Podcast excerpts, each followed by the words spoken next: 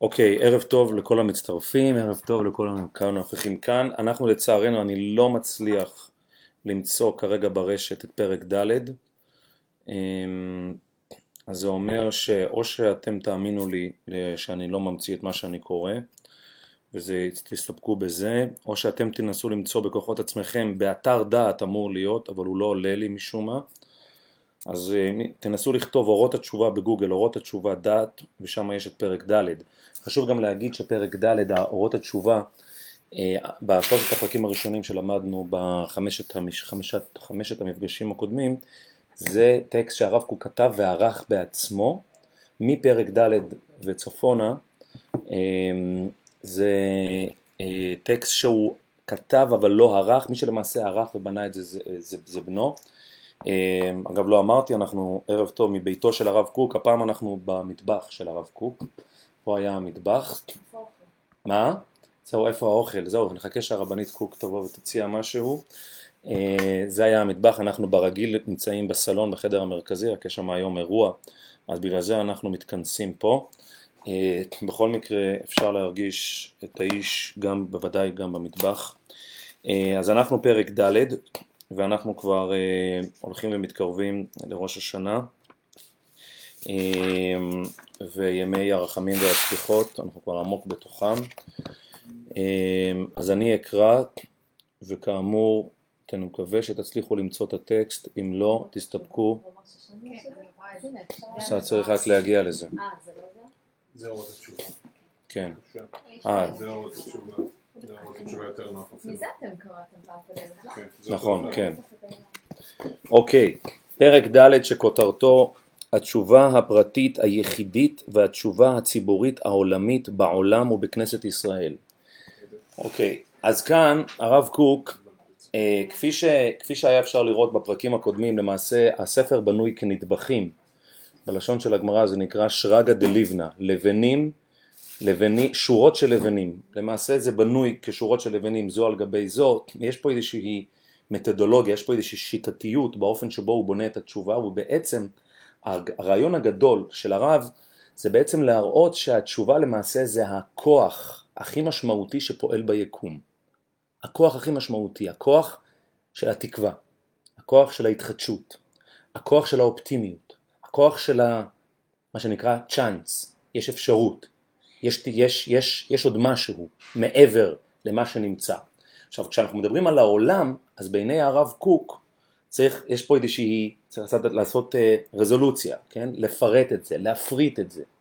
כי אנחנו יכולים לדבר על העולם במובן הפרטי, אגב אנחנו נמצאים היום כ"ה באלול, תשפ"ב, זהו יום בריאת העולם.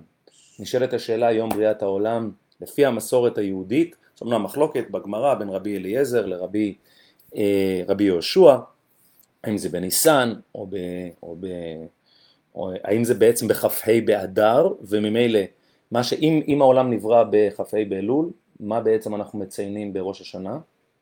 בריאת האדם, שישה ימים לאחר מכן בריאת האדם א' בתשרי אז זה לפי רבי אליעזר, לפי רבי יהושע אז זה בעצם העולם נברא בכ"ה באדר ומה שקורה באלף בניסן זה בריאת האדם אבל כמו שכבר אומרים שם התוספות על המקום, למעשה אין באמת מחלוקת, אומר רבינו תם אין מחלוקת, למה?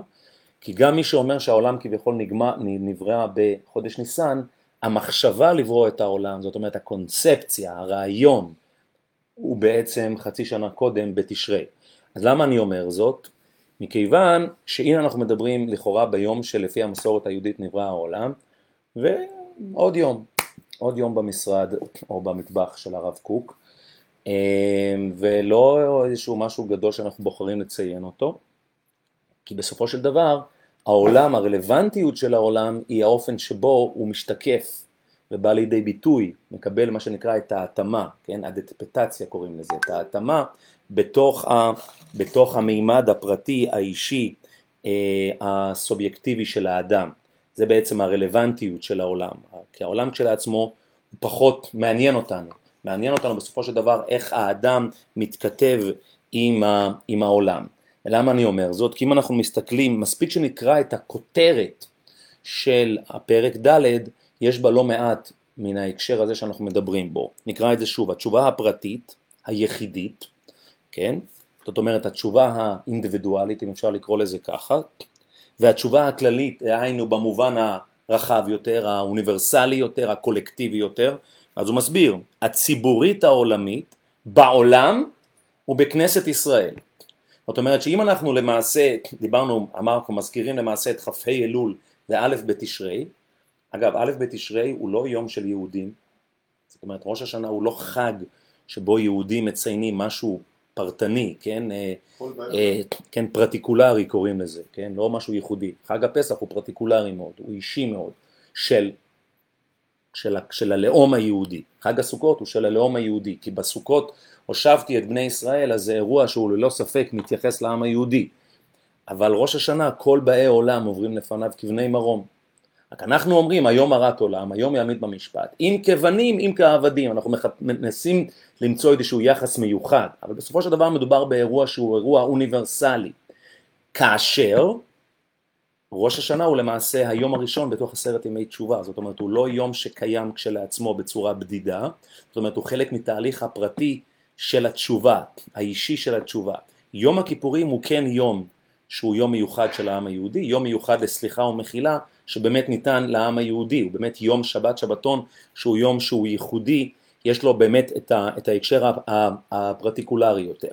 למה אני אומר זאת? כי כשהוא מדבר על התשובה הכללית העולמית, סליחה, התשובה הכללית הציבורית העולמית, דהיינו על כל באי העולם, התשובה במובנה האוניברסלי, ואז הוא הולך לדבר על כנסת ישראל, זאת אומרת, וכאן אלו הם כמובן רעיונות שמופיעים אצל הרב קוק בהרבה מאוד מקומות, האופן שבו אנחנו מדברים על האדם במובנו הפרטי היחידני, האופן שבו אנחנו מדברים על האדם, על, במובן הנשמתי, אם אפשר לקרוא לזה, על, יש סוג של נשמה שהוא קורא לו מה שנקרא נשמת האומה או נפש האומה, בכל מיני מקומות הוא מתנסח אחרת, זאת אומרת איזושהי זהות ייחודית שהיא באמת אה, זהות אפילו רוחנית אפשר לקרוא לזה, שהיא ייחודית אל הקולקטיב היהודי, אל העם היהודי, ויש את, אה, את, את, את כל בני האדם באשר הם, את כל בני האנוש. כאשר כשאנחנו אומרים שהכוח המניע של התשובה, הכוח המניע של התשובה פועל בכל הרבדים האלו. זאת אומרת, אם אנחנו מנסים לחשוב איך בריאת העולם של כ"ה באלול בא לידי ביטוי אצל האדם, הוא בא לידי ביטוי אצל האדם האוניברסלי, אם אפשר לקרוא לזה האדם של ראש השנה, והוא בא לידי ביטוי אצל האדם של כנסת ישראל, שזה באמת יותר שייך ליום הכיפורים. בכל מקרה, תראו כמה רק דיברנו על הכותרת, אבל אנחנו אה, ננסה להבין את הכותרת דרך בראש ובראשונה אה, מה שהרב קוק בוחר אה, לייחס אני רק חשוב להגיד עוד משהו, כשאנחנו בעצם, זו המשך של העבודה השיטתית שהוא עשה עד עכשיו, אפשר לקרוא לזה טיפולוגיה של התשובה. מה זה טיפולוגיה? טיפולוגיה זה בעצם מדע שלוקח משהו כלשהו, כשאני לוקח את הבקבוק הזה ואני מחלק אותו לפקק, לחלק העליון, לתחתון, אני בעצם מייצר לו זיהוי טיפולוגי, רבדים שונים, צורות שונות, אספקטים שונים של התשובה. אומר הרב קוק, שוטפים הם זרמי התשובה הפרטית והכללית. דיברנו על כוח מניע, דיברנו על התשובה כאנרגיה. שוטפים הם זרמי התשובה הפרטית והכללית. דמיונם כגלי שלהבות שעל גוף השמש, אשר במלחמת עד הם מתפרצים ועולים, והם נותנים חיים להמון עולמים וליצורים אין ספורות. ממש בדיוק מה שקראנו את זה, התשובה ככוח כאנרגיה.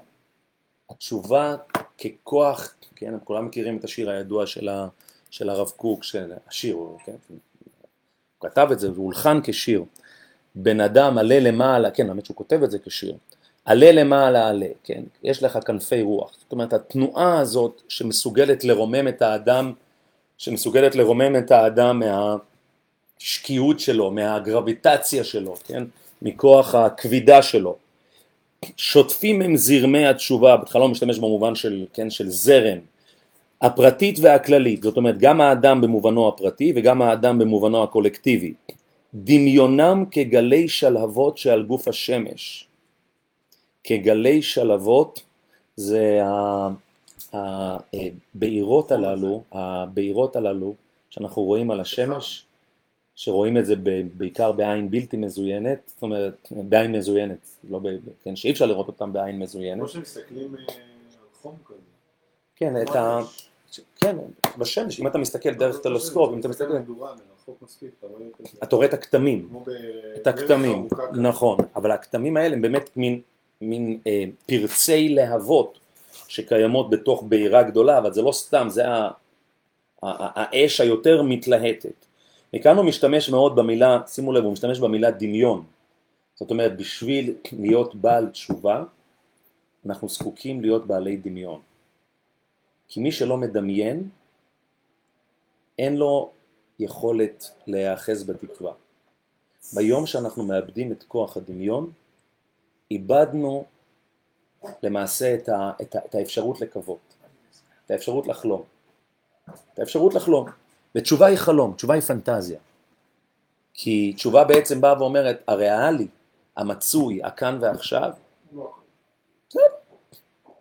הוא רחוק מאוד מלהיות המציאות האולטימטיבית. והמציאות היא גם יכולה להיות אחרת. דמיונם כגלי שלהבות כעל, שעל גוף השמש, אשר במלחמת עד, מלחמת עד, איזה מין ביטוי זה, הם מתפרצים ועולים, והם נותנים חיים להמון עולמים וליצורים אין ספורות. זאת אומרת, כל ההוויה כולה שואבת את האנרגיה שלה, שלה, את התקווה שלה, את היכולת שלה להתרומם, להתעלות, להתגבר, מהעובדה שהתשובה היא אופציה, שהיא אופציה, שהיא דבר שהוא קיים. אומר הרב, אין כוח לקלוט את ההמון, אה, ההמון הרב של הצבעים הרבים אשר לשמש הגדולה המאירה לעולמים כולם, נקרא את זה שוב, אין כוח לקלוט את ההמון הרב, כשהוא מדבר על אין כוח הוא מתכוון מה שנקרא בעין בלתי מזוינת, זאת אומרת באופן בלתי אמצעי, כאילו להביט על האנרגיה האדירה הזאת ש, שהתשובה נושאת בתוכה. ההמון הרב של הצבעים, זאת אומרת יש, יש לה, מכיוון שמדובר על דמיון, אז לא הרי יושבים פה ארבעה אנשים בחדר, כל אחד מהם התשובה שלו היא סיפור אחר לגמרי.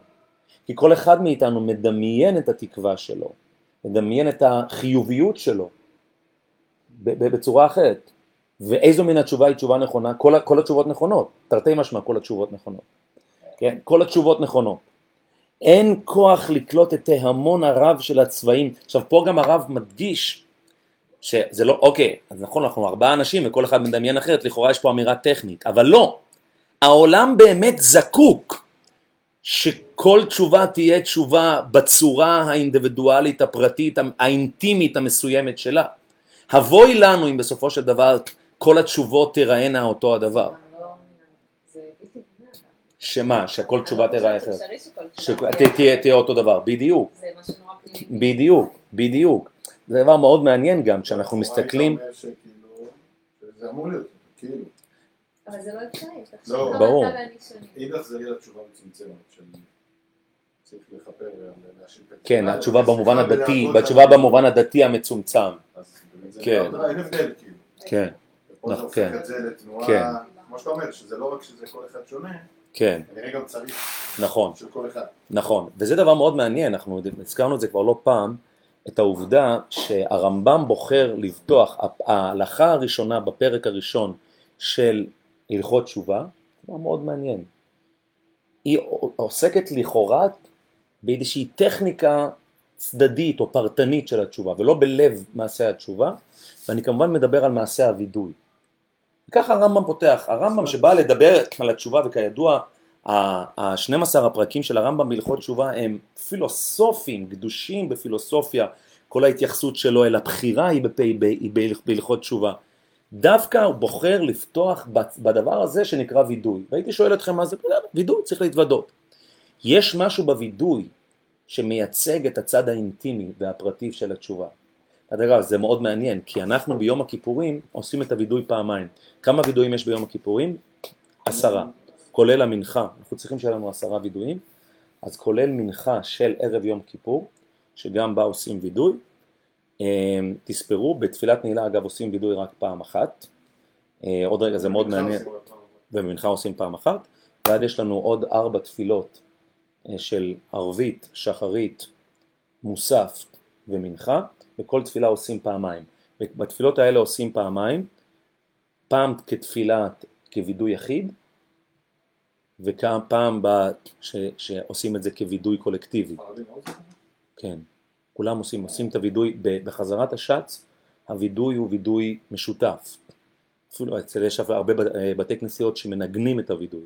איי איי איי איי איי איי אשמנו בגדנו.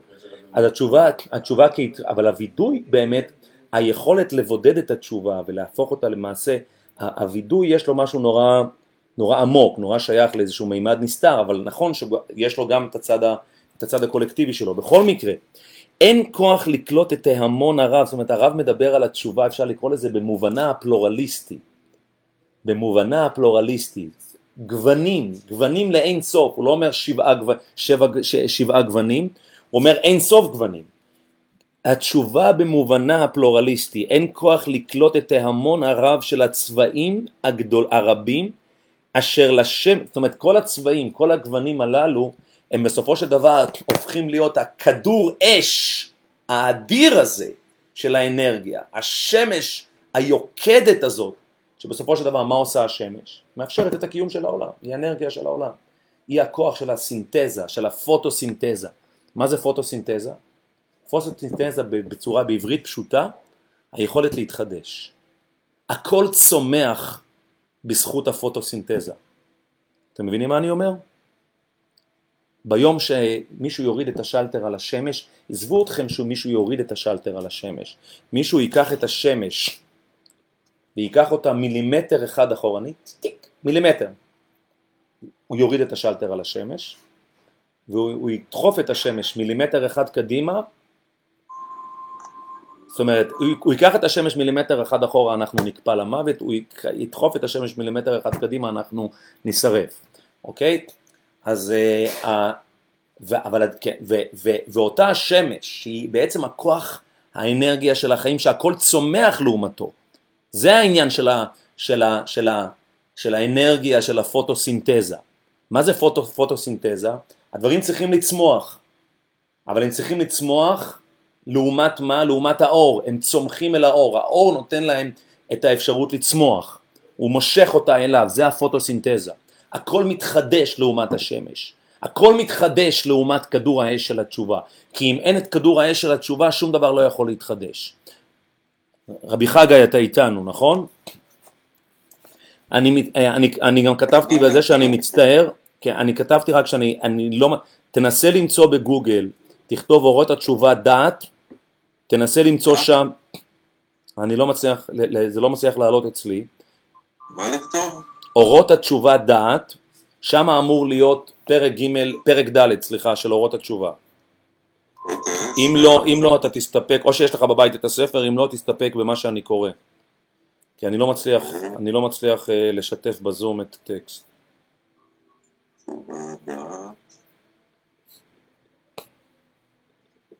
גימל בטעות. אוקיי, תסתדר. בכל מקרה, אני מקווה שהעברית שלי uh, והקריאה שלי נהירה מספיק, שהדברים, uh, אולי אפשר גם בלי ספר שפתוח לפניך. בכל מקרה, אין כוח לקלוט את ההמון הרב של הצבעים הרבים אשר לשמש הגדולה הזאת, המאירה לעולמים כולם, שמש התשובה, מפני שטפם וריבוים, מפני מהירותם הנפלאה. פה הרב קוק מרמז למשהו שכבר ידעו בזמנו, אחרי איינשטיין, הדבר הזה שנקרא מהירות האור. לדעתי הוא מרמז פה למהירות האור. כן, שיש, יש לה אור, אה, יש לה אור אה, אה, אה, מהירות, כן, יש לה, יש לה תנועה. אין, המ, מפני מהירותם, זה מהירות עצומה מהירות האור, מהירותם הנפלאה, מפני שהם באים ממקור החיים בעצמם, שהזמן בעצמו הוא רק אחד מהתבניות המצומצמות שלו. אז פה חשוב להדגיש משהו. אם אנחנו היום, חברים וחברות, נמצאים בכ"ה באלול. היום שבו נברא העולם. על מה זה נברא העולם? לא נברא העולם כולו, בסך הכל ביום הראשון. מה נברא ביום הראשון? בראשית, אני אזכיר לכם, בראשית ברא אלוהים את השמיים ואת הארץ, והארץ הייתה תוהו ובוהו, וחושך על פני תוהו, חושך. רוח אלוהים מרחפת על פני המים, פה עוד לא נברא כלום. ואז אנחנו מגיעים סוף כל סוף. בדיוק. אמרתי שבשלב הזה של הבראשית עוד לא. ויאמר אלוהים יהי אור ויהי אור. הנה לנו יצא שאנחנו לומדים היום בכ"ף בה' באלול בדיוק את מה שהרב מדבר עליו. בריאת האור. עכשיו נשאלת השאלה, הרי האור לא נברא באמת. מה, מה מאיר את העולם? השמש. מהשמש לדעתי לא נברא. ביום הרביעי הוא רק נברא, זאת אומרת שהוא נברא בכ"ח באלול ולא בכ"ה באלול, אז מה זה האור הזה? האור הזה הוא בדיוק האור שהרב מדבר עליו, האור הזה הוא בעצם, כמו שהוא קורא לו, שימו לב איך הוא מדבר עליו, מקור החיים עצמם. אם תרצו, ויאמר אלוהים יהי אור, זה אפשרות ההוויה. אוקיי.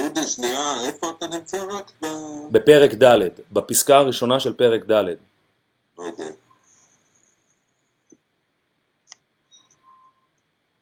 זה מולי, כן, אני רואה את זה. אוקיי. אז, ואז הוא אומר, שימו לב, זה לא סתם, שהזמן בעצמו הוא רק אחד מהתבניות המצומצמות שלו. אז פה הרב עושה את ה... לדעתי, את הלינקג' שבין המושג זמן לבין המושג אור. שהראשון שעשה את הלינקג' הזה היה יהודי אחר, שגם פגש את הרב קוק, שקראו לו אלברט איינשטיין, שעשה את הזיקה, את הלינקג' בין אור לבין זמן, בין זמן לאור, אור וזמן, שבסופו של דבר הדרך היחידה למדוד זמן זה דרך האור, אוקיי? זה הכלי המדידה של, ה- של הזמן. אנחנו תופסים זמן כחלק מתפיסת האור שלנו, וזה זה דבר שאני, לדעתי, יש פה, אני לא יודע, את יש לך את זה עם הביור, אני לא יודע אם הוא אומר את זה שם או לא, אבל אם לא, אז ב... אה, אין לך את הביור? אה. אה, כן, סתם מעניין. אה, שהזמן בעצמו הוא רק אחד מהתבניות המצומצמות. אז הוא גם כמובן מרמז בראש ובראשונה למה שכתוב, שהגמרא אומרת, בעשרה מאמרות נברא העולם. אז אם אתם תספרו את העשרה מאמרות, אתם תראו שאין עשרה מאמרות, שיש רק כמה? תשעה. לא, ויאמר, ויאמר, ויאמר, ויאמר, אתם תראו שיש תשעה. אוקיי? יש. מתחילת, זה ממש זמן נכון לדבר על זה היום. מתחילת הפרשית עד ויחולו השמיים והארץ, שעד מסתיימת הבריאה, אתם תיקחו את החומש ואתם תספרו כמה פעמים כתוב ויאמר, אתם תראו תשעה. שואלת הגמרא, והלא תשעה אבה, אומרת הגמרא, בראשית נמי מאמרו. ואז נשאלת השאלה, מה זה בראשית? בראשית זה בהתחלה, מה הכוונה של זמן? אז כמובן שהכוונה שעצם המושג שנקרא בראשית, עצם המושג שמושג שנקרא זמן, שיש התחלה של משהו, הוא בעצמו בריאה, נכון? אז אומר הרב שהזמן בעצמו הוא רק אחד מהתבניות המצומצמות שלו. זאת אומרת, הזמן הוא בסופו של דבר בריאה שמצומצמות שלו הכוונה, הזמן הוא זה שתוחם לנו את הבריאה, תוחם לנו את התפיסה. כמו שהמקום תוחם, כך גם הזמן תוחם. אנחנו לא מסוגלים, יש לנו אנחנו תחומים בזמן, אנחנו תחומים בתוך מסגרת. והזמרת, המסגרת היא לעולם time and space, זמן ומקום, כן? אצל קאנט למשל, זמן ומקום הם קטגוריות של מחשבה. אין לנו בכלל אפשרות, אנחנו חושבים בתוך הקטגוריות המחשבה הם קטגוריות של זמן ומקום. מה שהרב גם אומר בעצם, ויאמר אלוהים יהי אור ויהי אור. האור הזה הוא מה שנקרא אור שבעת הימים. רש"י כבר אומר על המקום, ראה שאין זה, הלך וצפן את האור לצדיקים. כן? זה האור אינסופי, זה אור שבעת הימים. מה אבל מצמצם את האור? מה תוחם את האור? מה שתוחם את האור זה הזמן. הזמן תוחם את האור. שהזמן בעצמו הוא רק אחד מהתבניות המצומצמות שלו. ולכן המ- המסקנה שהרב בעצם הגיע, שאין לנו בעצם את היכולת להתוודע באמת אל, ה, אל העוצמה של, של התשובה. אנחנו חיים בתשובה, אנחנו מיישמים אותה, אנחנו בעצם לוקחים את התשובה מה שנקרא כאפליקציה, אנחנו לוקחים אותה בצורה יישומית. יש לזה ביטוי מאוד עמוק בהפעולה של התשובה, ביום של התשובה, זה כמובן בזמן שבית המקדש קיים, זה כמובן בכניסה של הכהן גדול לבית קודש הקודשים, שם מתחוללת התשובה. האירוע הזה של הכניסה של הכהן גדול לבית קודש, קודש הקודשים היא תנועה שהיא כולה חידה, היא כולה פלא. היא כולה, היא כולה שריפה, כן? בני אהרון נכנסים והם נשרפים שם. זאת אומרת, היא תנועה של מגע רגעי של אדם אחד ברגע אחד מול השמש הגדולה של התשובה.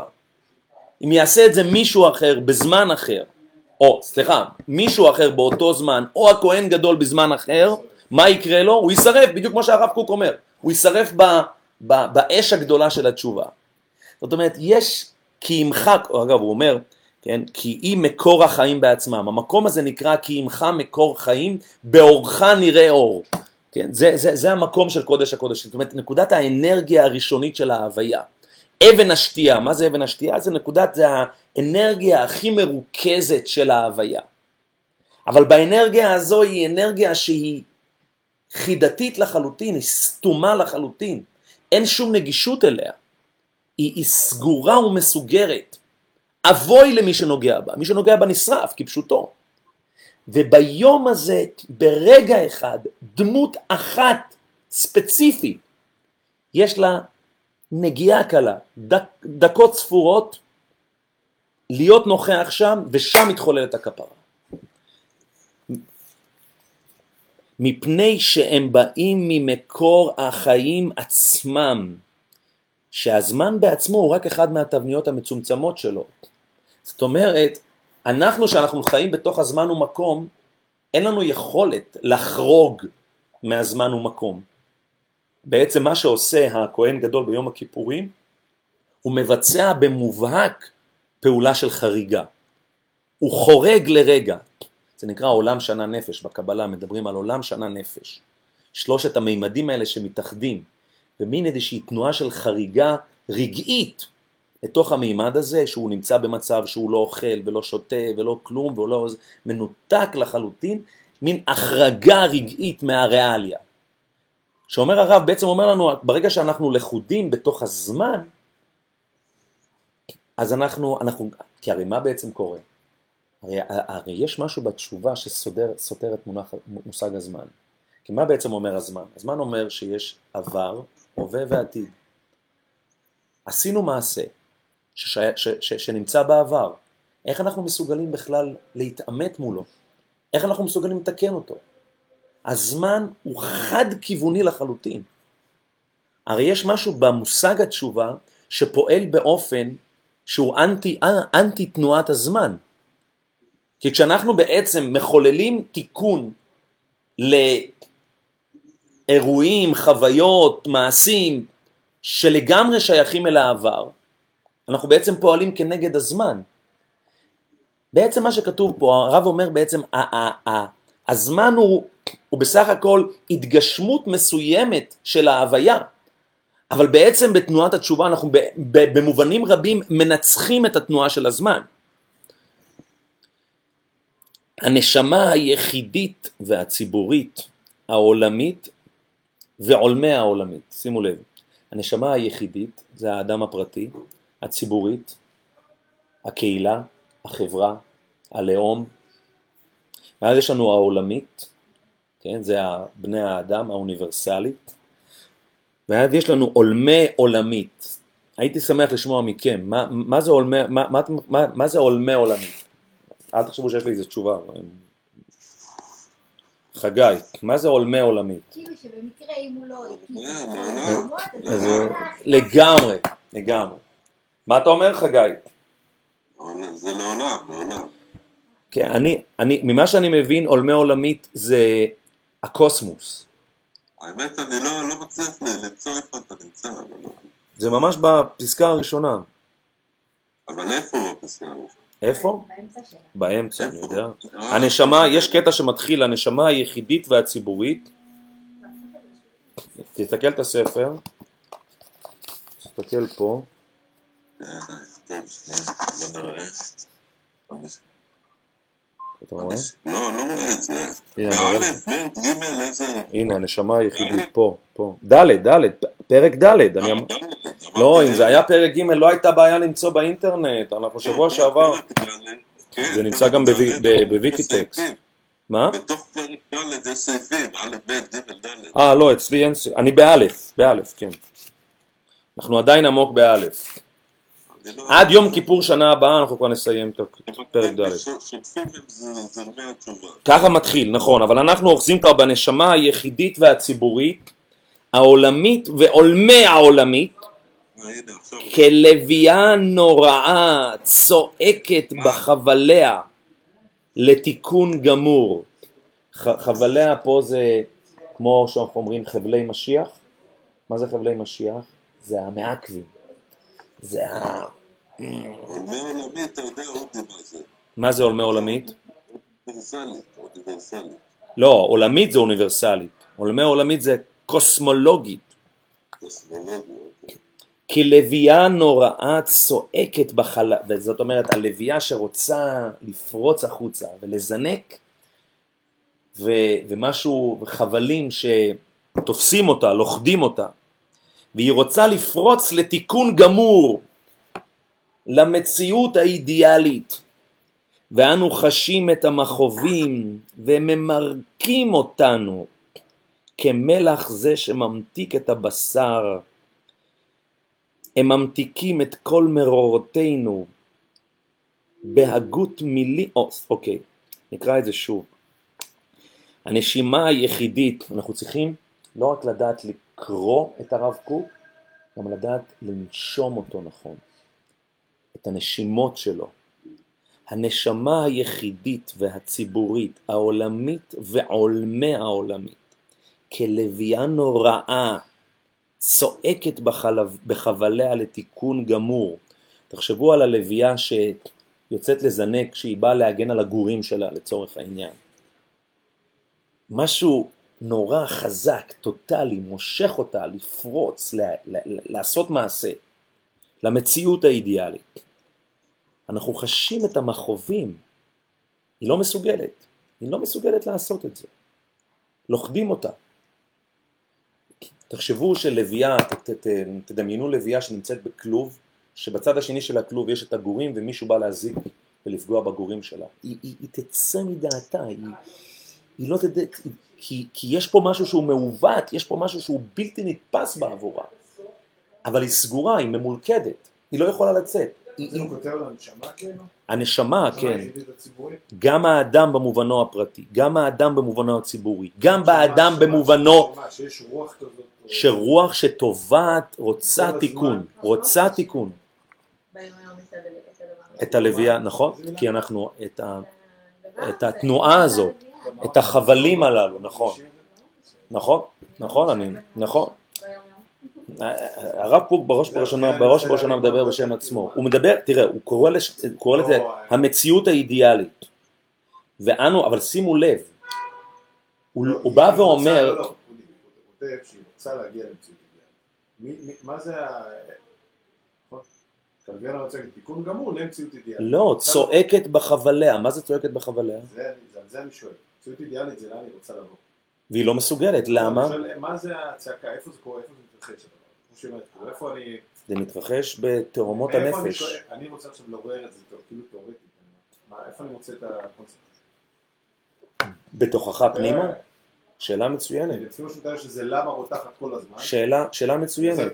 אני, אני הכרתי איזה יהודי אחד או שניים ש, שזה, שזה פיהם בהם בצורה כזאת. ש, ש, שהם לא יכלו לראות קלקול, הם לא יכלו לראות עיוות. כן, אבל לא, הוא כאילו מדבר יותר, אני חושב כאילו על איזה נקודה שהיא גם מופיעה כנראה אצל כל אחד ואחד. נכון. כזאת. אבל גם כאילו יש איזה, לא שיש איזה הרגה שקוראים לה תשובה וזה שם קוראים. סתם אני אומר כאילו, איפה זה נמצא האידאה הזאת שהוא קורא לאנשים? איפה זה נמצא בתוכנו? לא, בכלל. גם בתוכי, גם בחוץ. קודם כל זה נמצא באינסנטיב שלנו, ברצון, במוטיבציה שלנו לשיפור ותיקון. לשינוי, לתנועה. לת- לשיפור ותיקון, לא סתם תנועה, סתם עכשיו ללכת לעשות אה, טרקים, להסתובב בעולם, כאילו לחפש את הרוח. ברור. השאלה היא כמה זה מבעבע, כמה זה, כמה זה צועק. תראו, הרב קוק גם מרמז פה באמת למושג שנקרא חבלי משיח. משיח הווה אומר תיקון, זה תסכימו איתי. תשובה. תשובה. נכון, חד משמעית. חבלי משיח זה המעכבים והאופן שבו זה לא בא לידי מימוש. עכשיו, אומר הרב קוק, זה לא שזה בדיעבד, אוקיי, הלוויה היא, היא, היא, היא נמצאת בכלוב כי מישהו, כי מישהו שם אותה בכלוב. כך זה אמור להיות. זה אמור להיות, אנחנו בכוונה לא מסוגלים להגיע לתיקון, בשביל שנרגיש כמה זה, כמה זה דפוק לחיות בעולם שהוא נטול תיקון. ואנו חשים את המכאובים, שמה? והם ממרקים אותנו. כמלח, זה שורף בבשר. כמלח זה שממתיק את הבשר. עכשיו, מה זאת אומרת ממתיק את הבשר? התוצאה הסופית שהוא ממתיק את הבשר. אבל כשמלח נמצא על בשר חשוף, זה שורף, חבל על הזמן. אמרנו את זה בפרק ב', אני חושב. מוגג מכאב. מת- מתמוגג מכאב, נכון מאוד. הם ממתיקים את כל מרורותינו. אומר הרב, בהגות מילים, כן? אגב, מילה מאוד מעניינת, חשבתם על זה, לא יודע אם חשבתם על זה פעם. שמע, אתם, אתם מכירים את המילה הגיה? הגייה? מה זה הגייה? הנציבות, להגות. להגות. לא, הגייה, לא. כתב. בדיוק. קודם כל, הגייה זה לומר, סתם, בצורה גם בעברית נכונה ומדויקת, אז יש מושג שנקרא להגות את השם באותיותיו, למשל, אוקיי?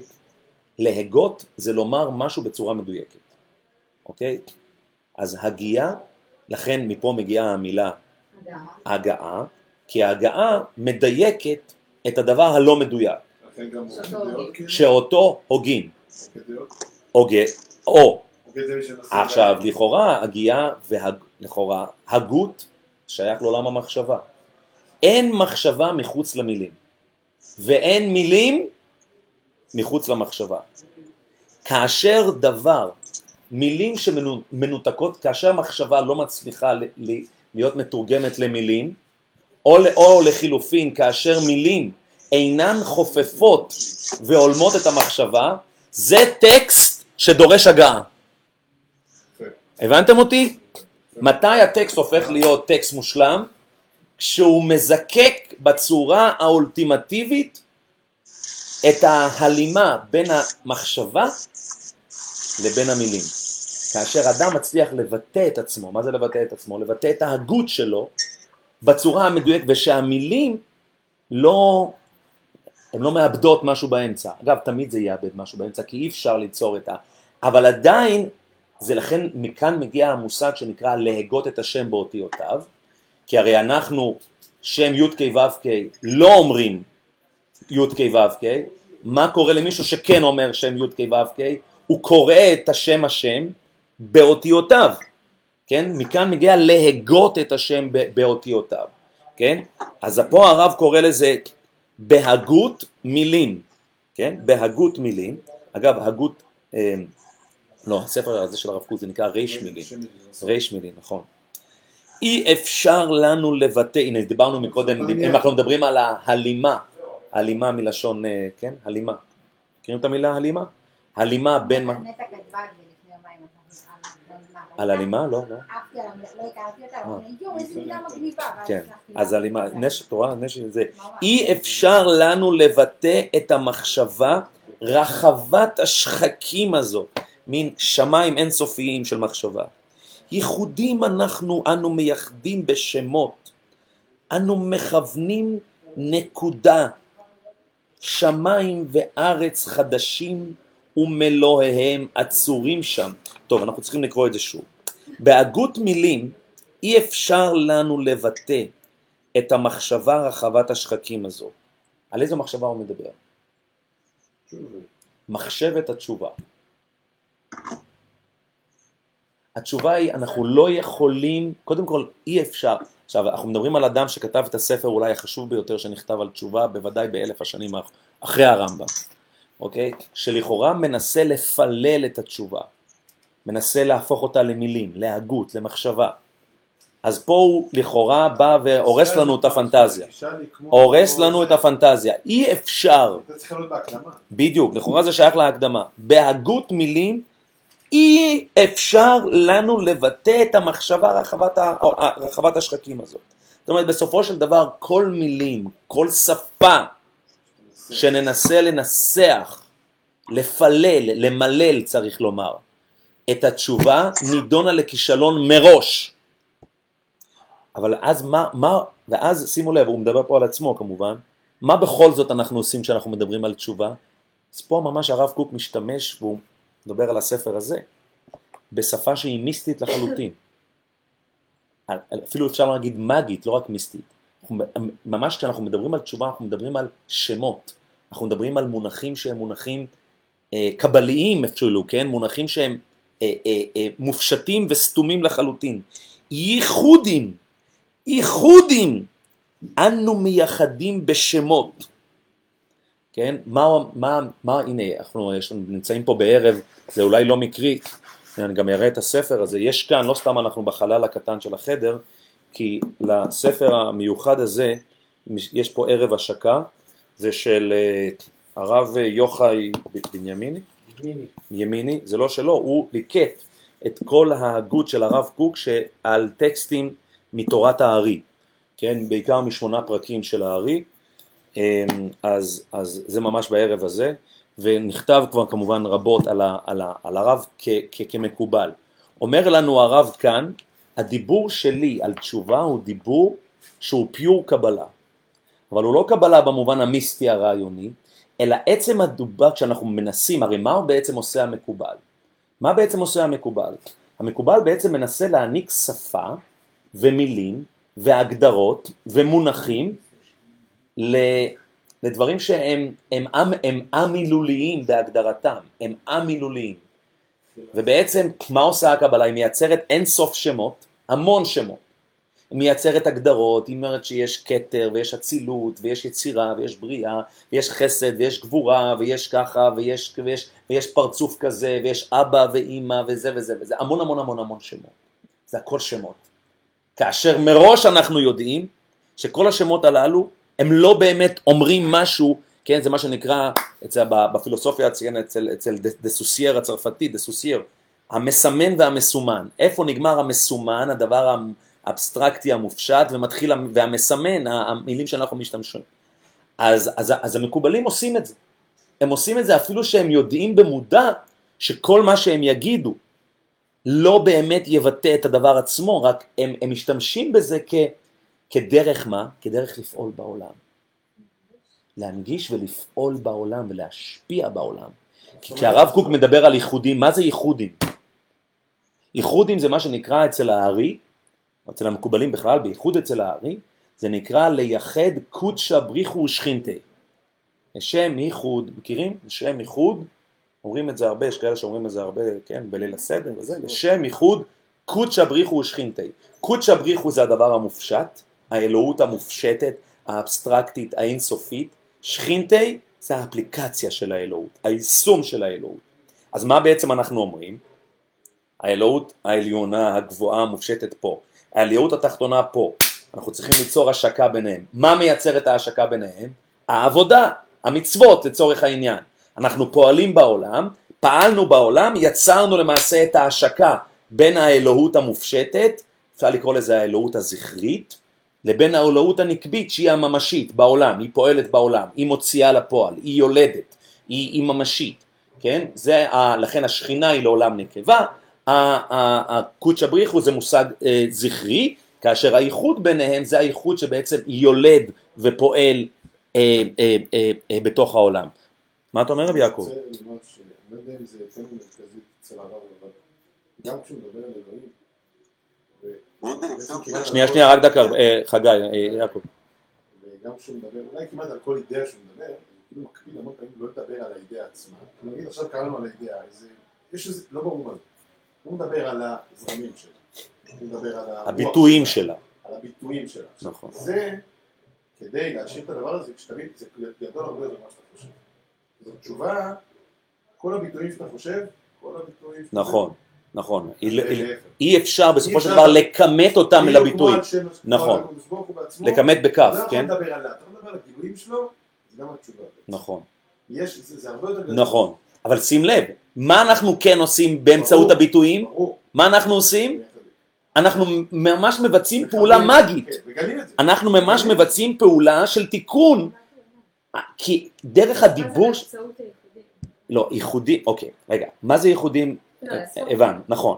מה בעצם הוא אומר? הוא אומר, התשובה הזאת היא תשובה, איך הוא קרא להם? רחבת השחקים, שמיים אינסופיים. עכשיו בסופו של דבר אנחנו מבינים שהדרך לפעול בעולם תיקון חייב לקטב את העולם עם, ה, עם התשובה. כי אם העולם לא מקוטב עם התשובה, לא- עם כף, כן, כן, כן, כן, לקטב, סליחה. לא, להפך. ההפך, ההפך, הלקטב עם כף מתקן את הלקטב עם, וזה גם. תף וט. כן, אז לקטב ולממשק, צריך להגיד, את העולם עם התשובה. כי עולם בלי תשובה הוא עולם מת, עולם בלי שמש. סגרנו, הורדנו את, ה... הורדנו את, ה... הורדנו את השלטר, נגמר העולם. נגמר הפו... הפוטוסינתזה שלנו, האור שלנו, כן? האור האינסופי, הפרפרים שעפים אל האור, הכל מת, הכל נגמר, הכל נהיה חושך. העולם חוזר למה? לרגע לפני, ויאמר אלוהים יהי אור ויהי אור. נקודה. אנחנו חייבים להיות עם האור כל הזמן, אבל האור הזה הוא אור אינסופי. האור הזה הוא באמת אור שבסופו של דבר אין לו שום יכולת לגעת בו, כי, כי הוא שמש שורפת, בדיוק כמו שאמרנו. ואז מתחילה בעצם העבודה, וזה בעצם הרב קוק מדבר, והוא ממש מדבר על עצמו ועל הטקסט שאנחנו קוראים, מכיוון שאי אפשר לבטא את המחשבה. אבל, אבל אמרנו, אבל... הכי קרוב שלי. אה, הכי קרוב, אפשר... אז הוא, ואז הוא בא ואומר, אנחנו עושים פעולות של פעולות של איחודים.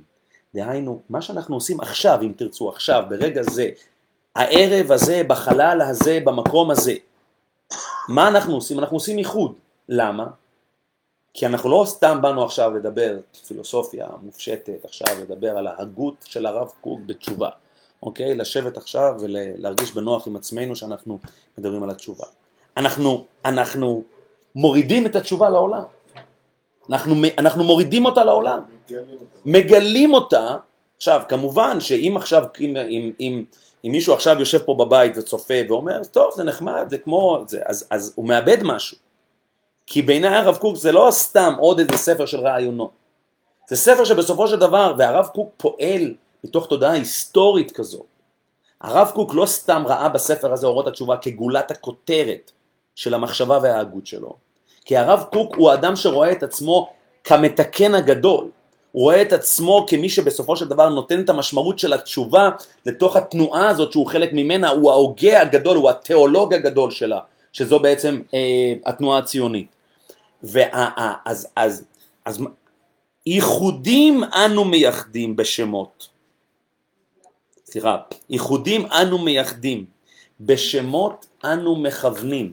כן, המקובל עושה שני דברים, המקובל עושה ייחודים, הוא עושה כוונות. כן? ש... מה, מה בעצם הרעיון של כוונות? למשל, אנחנו נמצאים כמה ימים לפני ראש השנה, אז יש מאוד מאוד ידוע, כוונות התקיעות. כן? כוונות התקיעות. אז מי שפעם נתקל, מי שפעם... על מה? על כוונת התקיעות? כוונת התקיעות. זה מאוד מאוד ידוע, מאוד מאוד ידוע כוונת... כו- מאוד מאוד ידוע כוונת התקיעות. אה, סליחה, סליחה, חגי, כן, כן. מפחם אותי בסוף, אה? אוי אוי אוי אוי, חגי. אתה שואל מה, מה זה, אולי תסביר קצת מה, מה זה השכינה ומתי זה הגיע, מה, מה זה אומר? מה, השכינה? מה זה, כן, מה זה? או, אני- האמת, אני אשמח להסביר, אבל אנחנו פחות עוסקים בזה, אבל מכיוון שבכל זאת שאלת, מה זה? אז אני אגיד בכמה מילים. הרעיון של שכינה, רק תגיד, כן, ומאיזה תקופה זה הגיע? או, אתה רוצה את כל הרקע, איזה... אמ, תן כמה מילים, תן איזה וורד קטן. תראה, אני אגיד לך, אני אגיד לך. אה, זה, המ- המקור של זה זה במחשבה גנוסטית, אוקיי? של, של דואליזם בתוך האלוהות, אוקיי? עכשיו הדואליזם אבל הגנוסטי הקדמון, אוקיי? הוא, דו, הוא דואליזם אה, פגאני, זאת אומרת של אלוהות טובה, זה- איך זה הגיע ליהדות הדבר הזה? זה מגיע, זה כבר בספרות היכלות, יש לזה נגיעות. אבל, אה, אבל ברור שזה מגיע הרבה הרבה הרבה יותר מאוחר, אה, במאה ה-12 של הופעה של ספר הזוהר, וביתר שאת במאה ה-16 בצפת אצל הארי. אמ,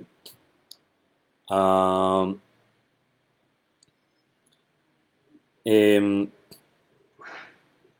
בכל מקרה, השאלה אם זה, זה חלק אה, אינטגרלי באמת מהיהדות, או שזה... זה בוודאי חלק אינטגרלי מהיהדות בחמש מאות השנים האחרונות מאז ההופעה של הארי, חד משמעית אבל כן. כל- יש כל מיני הישגים שנכנסים ליהדות, גם כל מיני קטעים. השאלה היא מה, תראה, מבחינתי יהדות זה דבר שמתעצב, זה סך כל ההשפעות וההתפתחויות לאורך הדורות. אבל יש גם התפתחויות שליליות. בסדר? מי אני שנקבע מה שלילי מה חיובי? בסדר, זכותי, כל אחד זכותו, אבל... הרב קוק למה, בוודאי פעל, הנה זה, שוב אנחנו ממש בערב שעוסק, יש פה ערב של... הרב קוק מאוד מאוד מאוד היה מחובר לרעיונות הללו, מאוד מאוד מאוד.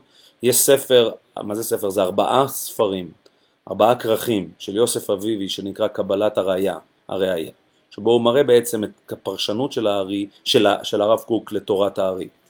אבל לענייננו, אומר הרב, בשמות, אני אעיר- אני אעיר, זה לפי דעתי, אני חושב שזה רעיון טוב, השכינה, כי זה אומר ש... שיש יסוד נשי גם. אז נכון, נכון, נכון, נכון, בוודאי, שההופעה של האלוהות היא הופעה נשית, חד משמעית, צד חד משמעית, שההופעה של האלוהות היא הופעה נשית. אם אנחנו מדברים על פמיניזם, אנחנו מדברים על, על הופעה גברית והופעה נשית, אז אני אגיד משהו מאוד מאוד משמעותי בר, בתורה של, של, של, של הארי לראש השנה. כי אנחנו, אם, אם הזכרנו מקודם, את שומעת רות?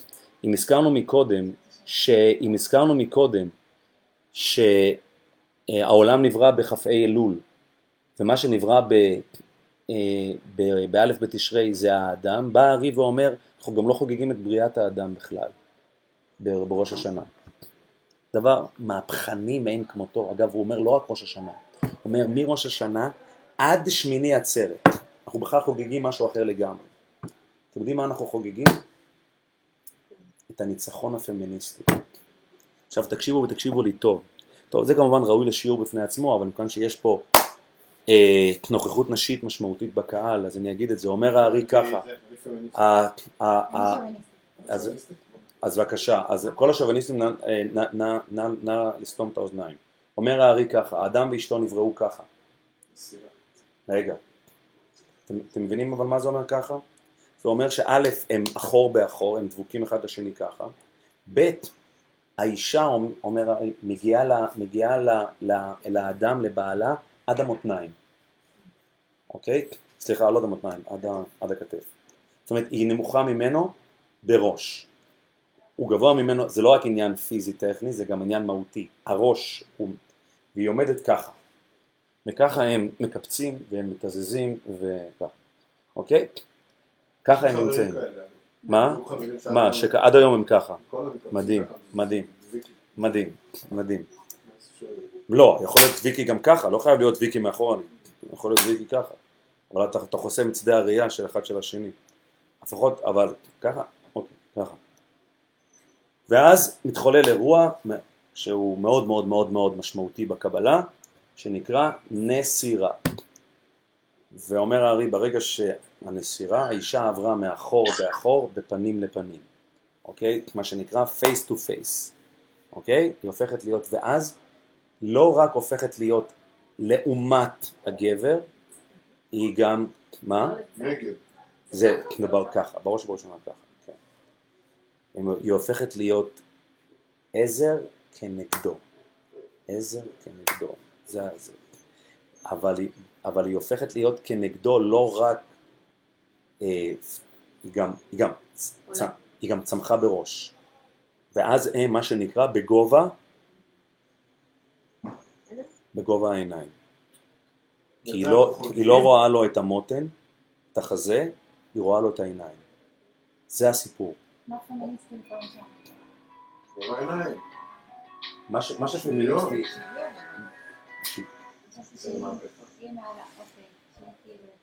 לא. לא, שוויון, הפמיניזם לא אומר שהאישה, אני לא יודע, היום אני כבר לא יודע, היום. אני כבר, בדיוק, אני כבר לא יודע מה, הפמיניזם מבחינתי זה שוויון, האישה לגבר. אם את רוצה להגיד שאז, שהאישה, שה- שהגבר יורד בראש, זה כבר פמיניזם רדיקלי, אבל זה שהאישה היא בגובה העיניים. אבל שימו לב, זה כל החגיגה של ראש השנה. כל ראש השנה בא לחגוג ולציין את האירוע הזה. זה מה שהארי אומר? בעצם אתה חד משמעית. אומר הארי, נקודת השיא של האירוע הזה היא בחג הסוכות. כי בחג הסוכות זה ממש כאילו, זה בשביל הרומנטיקה, עד עכשיו זה היה בשביל הפמיניסטיות, עכשיו זה בשביל הרומנטיקה, זה בשבילך רות. מה שקורה בחג הסוכות זה ממצב של פנים אל פנים ככה, הזוג עובר למצב של מה שנקרא שמאלו תחת ראשי וימינו תחבקני. אומר הארי, כן, אה, אה, שניים ואפילו טפח, שניים וטפח, זה הסוכה, אחד, שתיים, וזה טפח, וזה החיבוק, אוקיי? והם עוברים, הם עוברים, הם עוברים, הם עוברים, הם עוברים ממצב של זה בעצם לעבור מהמצב של ההבטה למצב של החיבוק, למצב של האינטימיות, אוקיי? זה, אבל מה שבעצם הארי מלמד, אבל זה ממש דורש, הוא כאילו בעצם רגע שנייה זה, דורש שזה גם כל הסיפור למעשה הסיפור ישראל. הבין אישי, הבין אישי, הסיפור של היחס הלעומתי, הסיפור שנ- שנקרא לפני השם, הסיפור של ההתמודדות פנים אל פנים, זה הסיפור וזה התיקון. למה אמרתי את זה? זה חשוב לדעת. טוב, בכל מקרה, בשמות, מה אתה אומר? שקוייך, אה, תודה. בשמות אנו מכוונים. כן, אנחנו גם עושים ייחודים וגם עושים כוונות. נקודה, שמיים וארץ חדשים, זה, זה, ומלואיהם עצורים שם. ואומר, יש נקודה, נקודה אחת ויחידה, שהיא הנקודה המרוכזת והמתומצתת ביותר, שהכל נמצא שם. כן, במובנים רבים, קצת מזכיר לנו את התיאוריה של המפץ הגדול. נקודה אחת שממנה היא הנקודה האנרגטית, הסינגולרית קוראים לזה, שממנה הכל יוצא. אם אנחנו מדברים שוב על היום שבו ויאמר אלוהים בראשית ברא אלוהים את השמיים ואת הארץ, הכל מרוכז, הכל נמצא בנקודה האינסופית הזאת. שמיים וארץ חדשים, אבל הוא לא מדבר על השמיים והארץ של בראשית ברא אלוהים את השמיים ואת הארץ, הוא מדבר על השמיים והארץ החדשים. זאת. אומרת, נכון, אבל את השמיים, את השמיים החדשים, שם לא כתוב את. אה, ואת הארץ החדשה, נכון, נכון, נכון, נכון, נכון, נכון, חדשה. נכון, נכון. אה, שם כתוב גם את השמיים, שעבר. נכון. שם כתוב, כי כאשר השמיים החדשים והארץ החדשה, אשר אני עושה עומדים לפניי, נאום אדוני, כן יעמוד זרעכם ושימכם. זאת אומרת, כן, יש איזה, אה, אה, אה, יש איזה שיר כזה של שלמה ארצי, לא? לא נגיע, נגיע חדשה. לארץ חדשה, לארץ חדשה, אז זה, אבל שם אין שמיים חדשים, נכון? יש רק ארץ חדשה. ארץ. נכון, שמיים יש בקצה השמיים, יש, יש מקום בלי דאגה. אז, אז יש את השמיים החדשים, זה- לא. ושמיים והארץ חדשים ומלואיהם. זאת אומרת, מין אנרגיה, אנרגיה מרוכזת אינסופית של הפוטנציאל של אני ההתחדשות. בורא שמיים חדשים, ארץ חדשה, ולא תיזכרנה הראשונות ולא תעלינה הלב. ישעיהו ס"ה. עם סיסו וגילו עליהם, נכון. כן, ועד, בישעיהו ס"ו יש, את ההמשך, תיקש, נכון. ועצורים שם, אז זה הנקודה. אות, שימו לב, זה כבר הנקודה שבה הנקודה הופכת להיות, הרי אנחנו יודעים שכן, בספר יצירה יש את, ה, את כל האלף בית, אז יש את הנקודה. מהי הנקודה? הנקודה היא תמיד מה שנקרא בשפה הקבלית יוד חוכמה קדומה. היוד היא נקודה, נכון? בכל הכף בית אותיות, תמיד לעולם תהיה האות יוד. תמיד תהיה נקודה. תמיד תהיה נקודה, תמיד יש נקודה. היוד היא הנקודה, שממנה, כן, הרב קוק פה להדיא כמובן מכוון לספר יצירה, כן, ממנה למעשה מתפרטים האותיות. מתפרטים, או מתפרטות צריך לומר, מתפרטות האותיות. ועולמים מתגלים. ברגע שיש אות, יש גילוי. כי, ה, כי הנקודה, למה, למה, למה בנקודה אין גילוי? כי הנקודה היא לא אומרת כלום. כשלעצמה היא לא אומרת כלום. יכול לשים נקודה בסוף משפט, אם תשים נקודה בשום מקום, אז הנקודה, אז, לא, אז היא, לא, היא לא מגלה כלום, היא לא אומרת כלום, היא סתמית, היא קיימת. היא קיימת כשלעצמה, בדיוק. הנ, הנקודה מקוטבת עם מי? עם עצמה, עם עצמה בלבד. אתה אומר כותרת וזה תמיד הולך לי לקוף לא, זה צריכה להבין, כן. כן, כי גם מקוטבת, מקוטבת שאת, שאת, שאת אה, אה, מדברת, זה, לא, זה גם לא מילה בעברית. באמת? קוטב? קוטב צפוני, קוטביות. כן, איפה זה מופיע? זה מילה אחרת. כתב. מופיע לא באיזשהו שם. לא. לא. אז זה מופיע, הוא לקח את זה מכתב מררי, שזה ש- שם של שד, אוקיי? בארמית? לא, זה מופיע ב- ב-. ב- בספר איוב וגם, בפ- לא, זה לא מופיע בשירת האזינו, כתב מרירי. נכון, כתב מרירי, כתב מרירי. אתם מרירים אמרת שד? שזה בהאזין? מה? אמרת כת- שזה בהאזין? כתב משהו מרירי. כתב מרירים. כתב, נו. סליחה, כן, אז זו מילה? ודאי, נו. אני אמרתי בשירת לא, האזינו. אז היא אומרת, נו. כן? הספה עליהם רעות, במחלה במזי רעה ולחמי לא, זה לא רשף. זה לא, זה כתב מרירי. לא זה לא, זה. בן יהודה עבד על זה ולקח את זה ככתב, זה שם של שד. אה, כתב מרירי שמופיע בשירת האזינו זה שם של שד.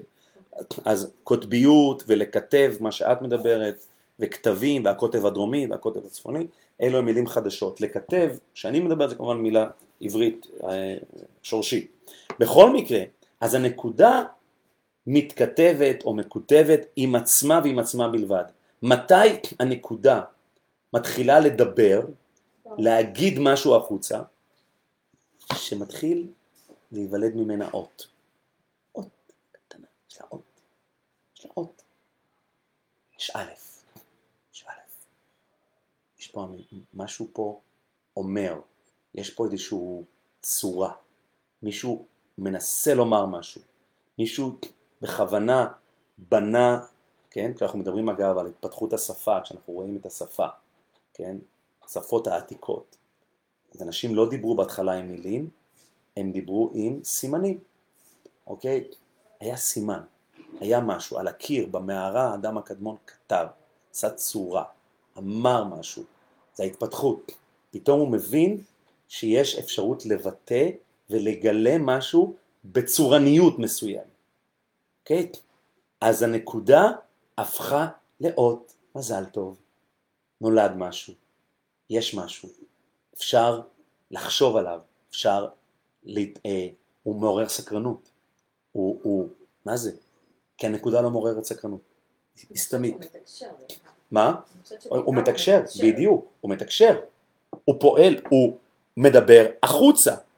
הנקודה היא כמו תינוק קטן, השנייה ממש נולד, שהוא נקודה, שהוא עוד אין לו אות. כי עוד אין לו, הוא לא, הוא, הוא, הוא לא חייך לרגע, הוא רק צורח ורק, הוא לגמרי, לגמרי, לגמרי, בתוך עצמו. מהות. מהות, בדיוק. מהות סתמית. מהות סתמית. לאט לאט הופך להיות, עכשיו, ואז, וזה לא נגמר. תראו איזה יופי. אות, עולמים מתגלים. אבל האות הופכת לתיבה. תיבות ורבבות עולמי עד והמון יצורים, שלב ועדלז, מה בעצם קורה כשיש תיבות? כשיש תיבות מתחיל הפלורליזם. למה? כיוון שיש א' בחדר, וב' וג'.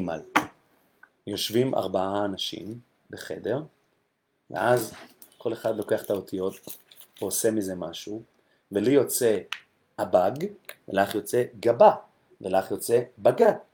זאת אומרת, איפה מתחיל הדיאלקט, איפה מתחיל השיח, איפה מתחיל הגוונים, איפה מתחיל העניין, כי אם יש לנו רק את האלף אין פלורליזם. שלושתנו ארבעה נעשה עם האלף את אותו הדבר. איפה מתחיל, איפה מתחיל ה... ברגע, ואז תראו איך הרב מקדש את הפלורליזם הזה. תיבות, אז מתחיל, וואו, זה הרי הצירופים הם אינסופיים, נכון? אנחנו יודעים את זה. צירופים הם אינסופיים. לקחת את כ"ב האותיות, כמה צירופים יש? התשובה היא אין סוף. תמיד אין סוף, אין סוף, אין סוף, אין סוף, אין סוף, אין סוף. ומה? זה הרבה, אבל זה לא אינסוף. מה? זה הרבה, אבל זה לא אינסוף. אה, טוב, בסדר. את יכולה לחשב כמה? כמה צירופים יש ב... לא, אבל המחשבון. המחשבון, נכון, ייתן איזה מספר. תיבות, רבבות עולמי עד והמון יצורים, אחד שלב ועלז. שלב, לא, לא אחד שלב ועלז. זאת אומרת, פה גם שימו לב, הוא מאוד מזהה את, ה, את, ה, את השמחה עם הריבוי, עם, עם, עם הפלורליזם הזה. מלא חדוות אל אלים, מלא שלום ואמת, והנשמה הולכת ומתקנת. זאת אומרת, ואיך הרי, איך כל זה קשור אל התשובה? כי התשובה בסופו של דבר, פה זה חוזר למה שהתחלנו לדבר ברמת הכותרת. כן, כן.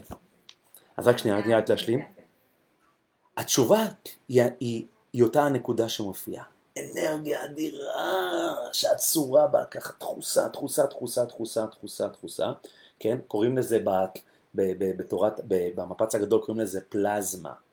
אנרגיית הפלזמה. פלזמה זה האנרגיה, תחוסה, דחיסות נוראה, ש, שמצליחה להצטמצם לכלל נקודה, אוקיי? והפלזמה הזאת היא הדחיסות האולטימטיבית. היא לא אומרת כלום. ואז פתאום יש, ויאמר אלוהים יהי אור, משהו מתגלה, יש אות. ואז יש עוד, ועוד אות, ועוד אות, ויש, ויש, ויש עוד ביטוי, עוד ביטוי ועוד ביטוי. וכאן אומר הרב, הפלזמה הזאת היא התשובה. היא האנרגיה שאומרת יש שמיים חדשים ויש ארץ חדשה. וכמו שאומר שלמה ארצי, נגיע, נגיע, נגיע, נגיע לארץ חדשה. גם אם הכל נראה דפוק, גם אם הכל נראה מחורבן בתכלית, אנחנו עוד נגיע לארץ חדשה. אבל עכשיו שימו לב איך אנחנו נגיע. לא על ידי זה שכולם עכשיו יחזו את הנקודה, אה, יחזו בה. כי אז, כי אז מה עשינו? שאם כל אחד עכשיו ייקח את הנקודה הזאת ויפרוט אותה, וייצר, ייקח את האות, וייצר תיבה ממנה, ייצר את התשובה שלו, ייצר, יביא את התיקון שלו, יביא את הייחוד שלו, את הצירוף שלו. אם דיברנו, אתם זוכרים שדיברנו על הפלורליזם של התשובה, על התשובה, התשובה במובנה הפלורליסטי. כי בסופו של דבר, כל הביטויים של התשובה, האינסופיים, כי הרי זה אין, אין סוף צירופים של אותיות, הם כולם מלא חדוות אל אלים, מלא שלום ואמת, והנשמה הולכת ומתקנת. זאת אומרת, הכל אמת. איזו, איזו תשובה היא אמת? חדוות אל אלים. הרי אל אלים הוא כביכול האל של האלוהים של האלוהים. זאת אומרת, הוא המקור של הכל. אם תרצי, ה- ה- ה- הוא הוא המקור של הנקודה. הוא, הוא בורא הכל. אז לכאורה הוא אל אחד עם אמת אחת, שכולם צריכים לציית לאותה אמת ולשעתק אותה ולהיצמד אליה as is. אומר, אומר הרב לא, האל אלים שמח עם התשובה שלך ועם התשובה שלה ועם התשובה שלי באותה שמחה שווה, ושאף אחד לא ינסה לנכס לעצמו את האל אלים הזה. להגיד, אה, התשובה שלי, התשובה שלי זה בדיוק מה שהיה הקדוש ברוך הוא רוצה. זה בדיוק מה שהקדוש ברוך הוא רוצה. התשובה שלי זה בדיוק אחד לאחד מה שאל אלים רוצה. אני לא סתם יודע מה האלים רוצים, אני יודע מה האל של האלים רוצה. אז בסופו של דבר, אבל ואם גרסה כל כך חד גונית וחד מימדית של התשובה, היא פגיעה אנושה במהות של התשובה, כי התשובה הרי אמורה לתקן את העולם, ולהפוך את העולם לעולם ססגוני, להפוך את העולם לעולם מתפתח. ו- ואם כל אחד יאמץ, אם אנחנו נאמץ רק גרסה אחת חד גונית וחד מימדית ודוגמטית של התשובה, אז רצחנו את התשובה. אז רציתי להגיד שבתנועה הזאת של לצאת מנקודה לאות ולתיבה, בכל הפלורליזם שמתלווה לזה. וכל אחד עם הקומבינציה שהוא מהמם. יוצר לעצמו, גם יש דווקא משהו שבעיניי קצת כאילו... הוא מפריד אותנו, מפחיד? מפריד. אה, מפריד? כבר, כבר, כאילו, בגלל שיש כבר את היכולת דיאלוג הזה במילים, כן? אז כאילו נעלם משהו אחר שממזג ביניהם. הומוגני. כן. עכשיו ההומוגני הזה הוא לאו דווקא יש רק דרך אחת והיא הנכונה. זה הומוגני שהוא הכל ביחד. שהוא מלכד. ושאפשר, כן, ושאפשר לדבר אותו ולחוש אותו. שברגע שמדברים את זה, זה דווקא מפחיד. מפריד, לא מפחיד. הבנת? כן. אני חושב שכן. שדווקא כאילו אתה רואה בתנועה הזאת משהו מאוד חיובי. חיובי ומפתח וזה, אבל אני רואה משהו שמאוד מפריד אותי מ- מהאחר. כי אם אני, כי אם השפה שלי לא מדייקת את מה שאני מרגישה בפנים, אם זה יכול להישאר ברובד הזה שכולנו יכולים להרגיש את מה שכולנו מרגישים, לא יודעת, זה נראה לי הרבה יותר כאילו... אוקיי, אה, אה, מדויק, הרבה יותר נכון. אוקיי. אז תרשי לי להציע לך הצעה אחרת. אם אני אקח את הדימוי של, של, של אה, אותיות, נקודות, אותיות, תיבות, בסופו של דבר, הספר הזה לא היה יכול להגיע לכלל יצירה הוליסטית אחת שלמה של הספר שלפנינו, אם מישהו לא היה לוקח, יש פה. יש פה בעמוד הזה לצורך העניין יש, לא יודע מה, 200 מילים, בסופו של דבר השימוש הוא באותן אותיות, ולא, ובהחלט יכול להיות שיש פה יותר מאשר אה, ש, אה, מילה אחת שהיא משתמשת באותן אותיות בדיוק, אבל היא מילה שונה, נכון? זאת אומרת, בסופו של דבר, זה היכולת, הרבה יותר מדייק, זה הרבה יותר מתקרב לדיוק. נכון. אבל אתה מסכים איתי שאם הייתה תנועה. לא, זה לא, לא זה. זה לא רק לדיוק, זה לשלמות, או גם בכוונה אומר דברי שלום זה באמת, דברי. שלום באמת. שנייה, אם את תצרי את התיבה שלך באותו האופן שבו אני אצר את התיבה שלי, מה יקרה? לא יהיו ספרים. את שמעת? אז זהו, בגלל זה אני מדברת ועוד ספר. לא ועוד ספר, יותר מדי ועוד ספר. ספר, עשרות ספרים הרבה, נכון. הספרים הם אינסופיים. זה ספר תולדות אדם. מה זה ספר תולדות אדם? זה האופן שבו האדם בוחר לסדר לעצמו את האותיות ואת התיבות. את אומרת, יש, אנחנו, אנחנו לא, השם היה יכול להשאיר את זה ברמת התודעה האחת. משותפת, הומוגנית, ואז מה היה? ואז מה היה? לא ואז, יכולה- ואז האנושות הייתה קפואה, סטטית, לא. משעממת. למה היא צריכה להיות משעממת? רק בגלל נפרדות? כי היא לא יצירתית, כי היא לא, כי היא לא, אולי היא יכולים לא- להיות יצירתיים שם, אבל הרבה יותר מבינים אחד את השני. את העומק אחד של. השני. זה הסיפור, רבית, של דור הפלגה. איזה? פלגה. דור הפלגה. זה הניסיון של בני האדם להבטיח שהם לעולם יבינו אחד את השני. ואז מה הם עושים? הם עושים שפה אחת ודברים אחדים. בדיוק זה מה שהם עושים. הם בדיוק לא רוצים, אותם הם בדיוק רוצים שפה- לרצוח את הפלורליזם הזה. למה? לא, כי דברים הם. כי הם מפחדים למוות מהפירוד. מהבילול, מבבל הם מפחדים. ואז הם אומרים, אנחנו ניצור לעצמנו כוח מונוליטי אחד אדיר, שרגליו בארץ וראשו מגיע השמיימה. אנחנו נבנה את העיר והמגדל, אנחנו נתאחד סביבו, ונתלכד לעומתו, ונאחז בו, ויהיה לנו שפה אחת ודברים אחדים הומוגני לגמרי. ואו אז, את יודעת מה יקרה? אנחנו ננצח את אלוהים. לא, למה? זה לא הכוונה. אני- לא, רגע, שלהם כן. שלהם כן. אבל- כן.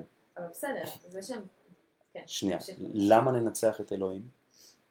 כי אלוהים בעצם מבטיח שכביכול בני האדם לא יהיו אלוהים, על ידי זה שהם לא יפסיקו ליצור. עכשיו, כי, כי אז מה קורה? אני יוצר, מגיע הבן שלי, ואומר, כל הכבוד, אני אעשה משהו אחר. מגיע הבן של הבן שלי, ואומר, סתם, כל הכבוד, אני אעשה משהו אחר. מגיע האח של הבן, ואנחנו כל הזמן, עכשיו, זה גם, עכשיו, ברגע שאנחנו נתכנס, בעצם אם תרצי, אנחנו מתכנסים לנקודה. העיר והמגדל לא, זאת רגע, אני הנקודה. עוצרת אותך פה שנייה, כי זה בדיוק העניין. הבן שלך והשכן שלך, כל אחד יכול להיות לו מאהבים אחרים והם יבנו דברים אחרים וזה בסדר גמור, זה הפרודוקטיביות שאנחנו גם רוצים. נכון. אבל עדיין זה יכול להיות מתוך מקום שאנחנו מבינים אחד את השני 100% ולא מתוך מקום אה, שאנחנו לא ממש מבינים. טוב, אני, אני, אני רוצה להמיר את המילה מבינים במילה מסכימים. לא, אני לא דיברתי על הסכמה, אני רגע, לא חייבת או, להסכים. שנייה. להבין, קודם כל, כן, אנחנו מבינים אחד את השני. אני, אני את הספר הזה מבין מצוין, תאמיני לי. האם בהכרח זה מה האם שאני... זה כמו האם, המשורר עצמו? האם, קודם, זכיתי בין- לא, ברור שלא, אני, אני מבין את מה שכתוב, אני יכול להסביר אותו. האם זה אומר שאני אסכים עם כל מילה שכתובה בו? התשובה היא חד משמעית לא. האם זה אומר שמבחינתי זה ה... אם אפשר... רגע. אופס. אוקיי. אם אפשר... אה, אה, האם זה אומר שמבחינתי זה ה... חגי אתה על מיוט, ברגע שאתה רוצה, להיש... פשוט רעש אצלך, אם אתה רוצה להשתתף אז פשוט תוריד את עצמך מהמיוט. אה, אז האם, האם זה אומר ש, שזה הספר האחרון שאני אקרא, או שאני אכתוב, או ש... בוודאי שלא. עכשיו, העיקרון אומר דבר פשוט, אנחנו מבינים, ברור שאנחנו מבינים, אם עכשיו שלושתנו, כמו שאמרנו מקודם, ארבעתנו, ניקח א', ב', ג' וכל אחד ייצור לעצמו אה, תרכובת אחרת, האם זה אומר שאני לא מבין את התרכובת שלך? ודאי שאני מבין, אז למה אני לא עושה את התרכובת שלך? כי אני לא עושה את כשזה רק התרכובת שלוש שלך. אותיות אתה מבין את התרכובת שלי, אבל כשזו קומבינציה אחרת מאוד מאוד סובייקטיבית אתה לא תבין אותה. אוקיי, ונניח שאני לא אבין אותה. אז אוקיי, אז אני מדברת על זה, אוקיי, ואז- מה יקרה? אם ואז מה יקרה? ואז מה יקרה אם אני לא אבין אותה? אוקיי. מה יקרה אם אני לא אבין אותה? אה, לא. אז רגע, אז אנחנו, האם אנחנו מתעקשים, מתעקשים להבין אחד את השני? אנחנו מתעקשים להבין? לא, להיות דבר אחד. ככה אני מרגישה. לא, אנחנו, אנחנו, זה מה שיבטיח לנו להיות דבר אחד? זאת אומרת, זה מה שיבטיח לנו דבר אחד אם, אם נבטיח, כאילו נעגן ונבטח את ההבנה המשותפת? לא או זה- לא, אני, אבל אני רוצה להציע לך, אני רוצה להציע לך, אני רוצה להציע לך, אני רוצה להציע לך, אני רוצה להציע לך אפשרות אחרת שתבטיח לנו את העוגן המשותף. האפשרות, כמו שאמרתי מקודם, לקחת את ארבעת התרכובות השונות שייווצרו פה, אוקיי? כמו שאנחנו ניתן לך, נעשה משחק כזה, נשים ארבע אותיות, כל אחד יכתוב בפתק קטן את התרכובת שלו, יכול להיות ששניים יכתבו את אותה תרכובת, יכול להיות שלא, ואז אנחנו נפתח את הפתקים, נגיד בוא נשחק משחק, ונגיד רגע, הנה התרכובת שלך מצטרפת לתרכובת שלי, ומצטרפת לתרכובת שלה, לתרכובת שלו, יש לנו משפט. וואו, מדהים. ואז נעשה את זה שוב. הפעם לא עם א', ב', ג', אלא עם ד', ה', ו'. ואז שוב, ואז ניקח, נגיד, רגע, אולי המשפט הזה יכול להתחבר למשפט הזה, אולי המשפט הזה יכול להתחבר, זה כמו אה, סולמות וחבלים, את מכירה?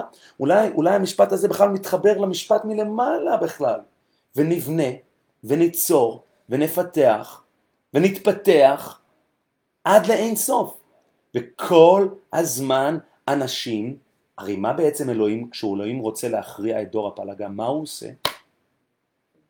דבר ראשון, בדיוק, קודם כל מפזר אותם לחלוטין. מרגע זה ואילך, פתאום יש אצלי בראש שפה גרמנית, ולך יש איטלקית, איך? לא יודע, ככה אלוהים עשה. אין לי מושג מה את אומרת. אז לא תהיה עכשיו, ואז הם מתפזרים על פני כל הארץ, אלוהים בולל אותם, שובר להם את העיר והמגדל, מפרק את כל, ה, את כל ההומוגניות הזו, או את המונוליטיות הזאת צריך להגיד. הם כולם מתפזרים, מונוליטי? זה אחיד. אה, אה, זה. לא, הומון- אה, מונוליט זה למשל דבר שהוא עצם, שהוא לגמרי, אה, אין בו, אין בו שינוי, אוקיי. אוקיי? מונוליט, סטטי, סטטי, סטטי, אוקיי? אז, אה, והוא מפרק, וזה הסיפור של האנושות. ואז מה קורה? אז מה קורה? ואז יש, אז את, ו- ואז מתחיל שיח, ואז מתחיל שיח של, של, של ניסיון, כי, כי כמו שבני אדם צריכים לתקשר, אז גם לאומים צריכים לתקשר, וגם קהילות צריכות לתקשר, כן? ה- ה- ה- ה- בסופו של דבר מתחיל, מתחיל, מתחיל לגשש. בהתחלה כולם יש מפץ גדול, כולם מתפזרים, כל אחד הולך לטיזן אבי. אז ככה, קמים אחרי הזה, מתחילים לפסוע, מתחילים לתקשר, רגע, מי זה אתה? מה אתה? מה, מה אני יכול להביא לך שאתה מתחיל מי- וכולי. אבל זה נכון, אפרופו, ובקטע, ובזה נסיים, כי בסופו של דבר, כן, אנחנו אומרים את זה גם בתפילה, בתפילת ראש השנה, ויעתהו כל לעובדיך, ויראו שם כבודיך וכולי וכולי, וייתנו לך כתר מלוכה, אוקיי? או כמו, ש, כמו שכתוב אצל הנביא צפניה, כי אז אהפוך אל עמים שפה ברורה, כן? לקרוא כולם בשם השם ולעובדו שכם אחד, כן? אז אהפוך. זאת אומרת, שבסופו של דבר התנועה תהיה תנועה של תיקון. כולם, כן? כולם, התנועה היא תנועה של ריבוי, אבל של תיקון. זאת אומרת, המטרה, המגמה, היא מגמה של צירוף וחיבור ותיקון. ולא מטרה עכשיו שכל אחד עכשיו מתבצר בתוך האגו שלו ובתוך האתנוצנטריות שלו ובתוך מי שמה שהוא וטה טה טה טה טה ואז, ואז באמת מה שנוצר זה פירוד ופילוג והתרחקות במקום לייצר את, ה, את המציאות ההומוגנית השלמה. כל ראש השנה בעצם עוסק בזה. כל ראש השנה עוסק בזה. תן כבוד וזה, ובכן תן פחדך על כל מעשיך ואימתך על כל, זאת אומרת בסופו של דבר שהמגמה תהיה מגמה אחת, המגמה תהיה מגמה אחת, אבל זאת אומרת מגמה שמייצרת דרך, את האחדות דרך הריבוי ולא את הפילוג דרך הריבוי, וזה זה, זה מאוד מאוד מאוד מאוד שברירי. זהו, נראה לי שבנקודה הזאת אה, אנחנו מסיימים, מה, כמה זמן כבר עבר? וואו. רבותיי, אה, אז, הרב יוחאי, אני מראה לו את בית הרב, אנחנו לומדים פה אורות התשובה. כל שבוע. אשריכם. שיהיה בנקודה הזאת- אה, של התשובה, אה? אמן, אמן. אז אנחנו נעצור פה, לשער. תודה, לך, חגי.